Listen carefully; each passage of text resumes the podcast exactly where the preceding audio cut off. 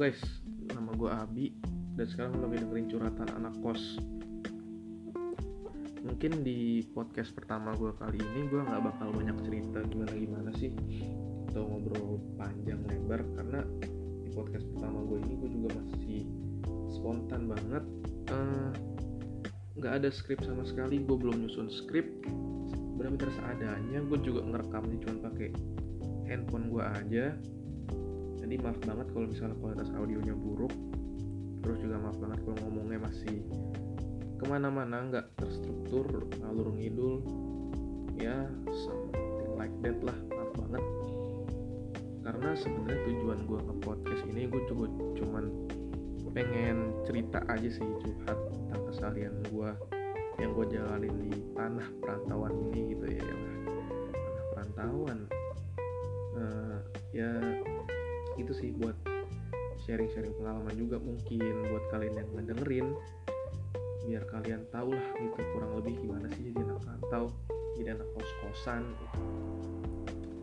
nah hmm, anak kosan itu identik dengan yang namanya hemat hemat pangkal kaya rajin menabung dan lain sebagainya itu yang gue rasain banget sih buat selama gue ada selama gue ngerantau di sini kayak hidup hemat ah hemat pangkal kaya rajin-rajin nabung makan secukupnya bla bla bla bla bla bla bla.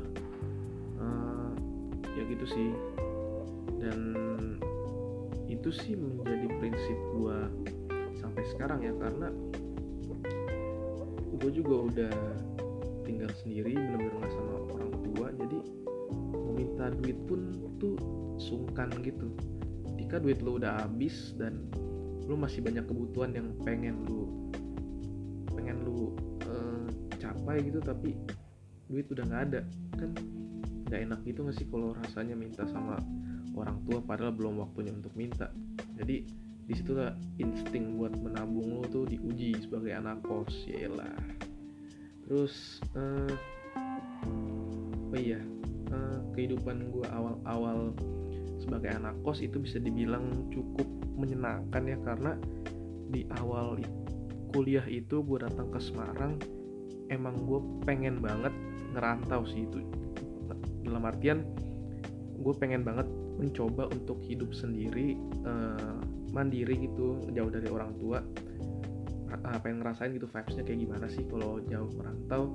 Dan makanya ketika gue lulus SMA dan akhirnya gue memutuskan untuk kuliah di Semarang itu atas persetujuan gue sendiri dan akhirnya bokap nyokap gue accept untuk gue kuliah di luar kota.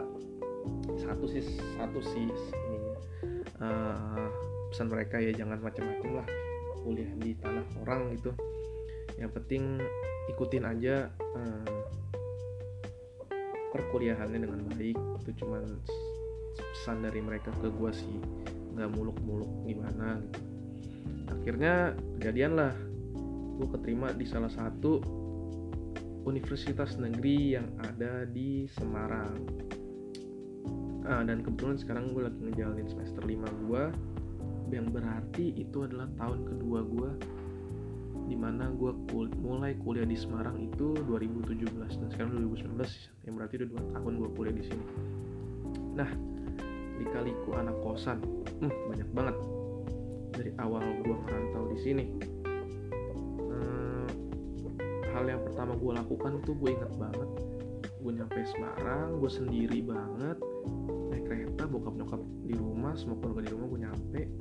Gue langsung cus dari stasiun ke hmm, kosan. Langsung bersih bersih kosan bla bla bla bla bla. Dan semangat banget gitu kayak excited aja nyampe di kosan pengen bersih bersih ah. Pengen kosannya ditata serapi mungkin gitu. Dan akhirnya ya udah itu yang gue lakukan di hari pertama gue terus dan itu masih jauh dari uh, perkuliahan. Kurang lebih kayak seminggu lagi baru masuk kuliah gitu karena ada serangkaian acara yang mesti diikutin sama maba dulu kan sebelum masuk dunia perkuliahan itu. Ospek bla bla bla bla itulah banyak lah. Dan dari situlah dari ospek ospek yang tadi gue bilang itu gue mulai ngerasa gue senang banget tinggal di Semarang. Kenapa? Karena di situ gue mulai banyak kenal orang kenal teman-teman yang sekarang sampai sekarang uh, ya sama-sama berjuang di kuliah ini. Dari situ kan titik awal kita kenalan gitu kayak eh lu dari mana? Kenalan dong gitu kan. Nah, lu asal mana? Gue Jakarta bla bla bla. Dan kebetulan circle gue itu rata-rata anak Jakarta sih. Jadi kayak beruntung banget gue masih nyambung sama mereka. Ngobrol masih enak terus nongkrong juga masih oke okay lah. Jadi nggak terlalu adaptasinya nggak terlalu sulit banget gitu. Cuman mungkin yang gue sulit adaptasi itu uh, uh, gimana ya? Uh, sama aja sih kurang lebih sama di Jakarta. Cuman mungkin cara ngomongnya aja cara uh, berbicara dengan orang lain gitu yang biasanya gue pakai lo gue tiba-tiba gue sekarang gue ngomong tuh pasti pakai aku kamu ya nggak sih? Namanya juga di uh, di Semarang budayanya kayak gitu. Jadi mau ke cewek mau ke cowok pasti aku kamu nah itu benar-benar culture shock banget sih buat gue kayak tiba-tiba gue yang bisa tolongan oh ya WhatsApp bro gimana kabar lo bla bla bla. Sekarang kayak uh, aku lagi gini gini gini kamu gimana? Bla bla bla bla bla. Kayak kaget aja padahal ngobrol sama cowok gitu biasanya kan kayak lo gue bro bray gitu kan. Itu yang pertama gue alamin gue inget banget itu kayak ya tapi mulai ke sini mulai terbiasa sih. Makin lama kayak ya ya udahlah mau gimana juga kita ikutin aja gitu.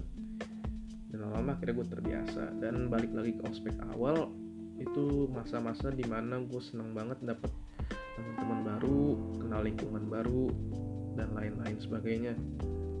Dan eh, tapi nggak enak gak jadi anak kosan itu anak rantau itu ketika lu lagi bener-bener sendirian gabut dan lu nggak tahu apa yang harus lakukan pasti ada lah di mana fase-fase di mana kayak lu yang anak-anak rantau anak-anak kos pasti tau lah.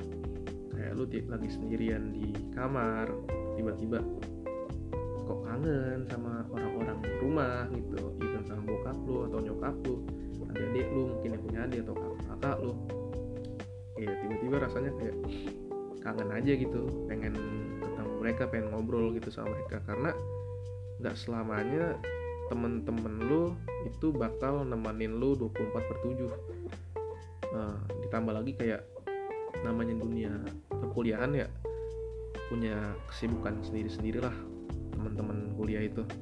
Nggak selamanya bisa bareng-bareng terus gitu. Dan satu hal yang gue dapet itu ini gue nggak no offense ya ke siapa-siapa kayak atau nggak nyinggung siapa pun ternyata setelah gue jalanin selama 2 tahun ini dunia kuliah itu sama dunia SMA itu bener-bener beda banget bro. Kayak lu SMA masih bisa tolol-tololan lah kayak kabut sekolah main apa segala macem. Nah di kuliah ini kayak teman main lu itu sebatas temen aja gitu bukan dalam artian gue ngejelekin atau gimana ya cuman ya lu yang anak-anak kuliah anak-anak especially anak-anak especially anak-anak rantau pasti ngerti lah gimana rasanya. Itu kayak uh, lu nggak bakal bisa terus-terusan sama nongkrong terus-terusan sama temen lu kayak zaman-zaman SMA pasti mereka punya kesibukan masing-masing juga. Dan gue pun juga kayak gitu gue nggak selalu bisa nemenin mereka pasti gue juga ada kesibukan sendiri-sendiri. Makanya kadang juga merasa sedihnya di situ sih. Kayak nggak bisa terus bareng-bareng gitu. Apalagi makin mahasiswa tua ya. Aku juga belum bisa dibilang mahasiswa tua sih. Baru dua tahun di sini kayak juga ya tengah-tengah lah belum tua-tua banget.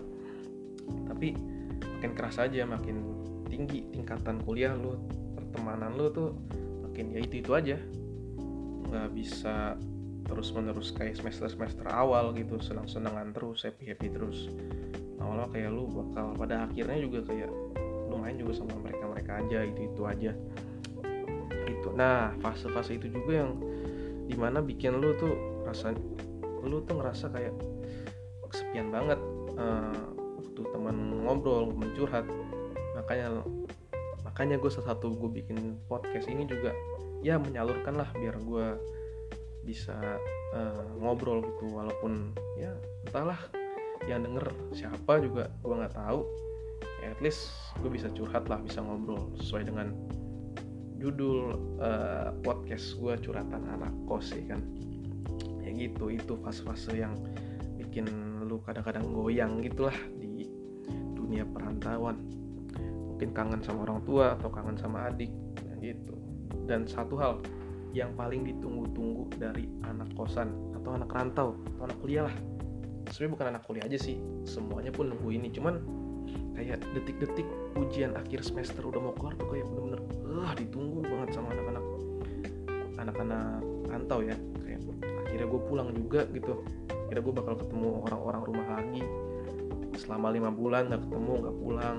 Akhirnya kayak pulang lagi balik lagi ngeliat ngeliat hmm, bokap nyokap adik kakak. Senang banget. Dan akhirnya uh, awal-awal gue kuliah ya itulah yang gue rasakan tadi yang sudah udah gue ngomongin ngobrolin panjang nih gue sama kalian. Ya belum panjang sih.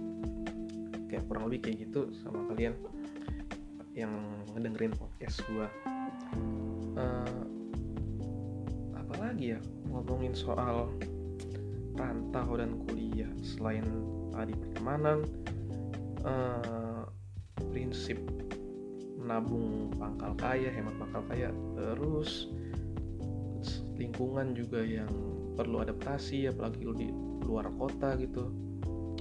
Hmm, mungkin itu aja ya yang bisa gue curhatin di podcast pertama gue uh, berhubung ini juga baru perkenalan dan intro singkat aja sih dari gue buat uh, kalian-kalian para anak rantau mungkin yang mau dengerin lebih lanjut lagi tentang curhatan anak kos uh, mungkin ke depannya gue bakal upload lagi uh, podcast gue berikutnya. Gue akan gue bakal persiapin dengan mateng mungkin skripnya gue tulis dulu. Terus mungkin alat perekamnya juga mungkin kalau bisa gue upgrade ya gue upgrade. Lihat ke depannya lah bagaimana. Karena you know lah uh, duit kosan ya segitu-segitu aja. Mau minta pun juga enggan gitu sama orang tua. Karena ya makin ke sini makin gak enak lah rasanya buat minta duit yang berlebihan gitu. Padahal lu dikasih segini tapi minta lebih kayak gak enak aja gitu sama bokap nyokap gue ya paling ujung-ujungnya nabung sama kalau udah bener-bener kepepet banget udahlah makan seadanya uh, minum seadanya juga. Ya semuanya serba seadanya lah itulah. Ya mungkin itu aja guys. Uh, episode pertama dari podcast curhatan anak kos. Uh,